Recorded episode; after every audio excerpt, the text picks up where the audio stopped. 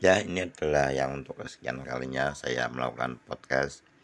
Jadi hari ini ada hal yang aku lakukan di Brosari sejak dari bangun tidur sampai sekarang. Jadi begitu bangun tidur eh, karena apa tempat tidur nggak karu-karuan akhirnya aku nyuci ya dari sarung bantal kemudian eh, guling maupun spray itu aku cuci aku pastiin bersih. Setelah nyuci yang ada kemudian memberikan pembelajaran ke siswa melakukan meet atau zoom. Agak berat juga apa karena empat kelas empat kelas empat uh, waktunya pun beda-beda ya.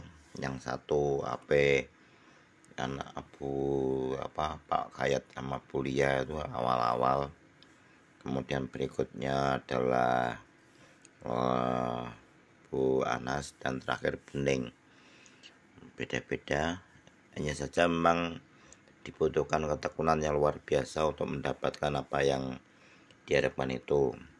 Mulai dari kemampuan kita dalam berkomunikasi atau kemampuan kita dalam menyesuaikan apa yang diinginkan oleh siswa kita. Satu yang penting adalah bagaimana kita tetap konsisten dengan apa yang kita lakukan. Itu terima kasih.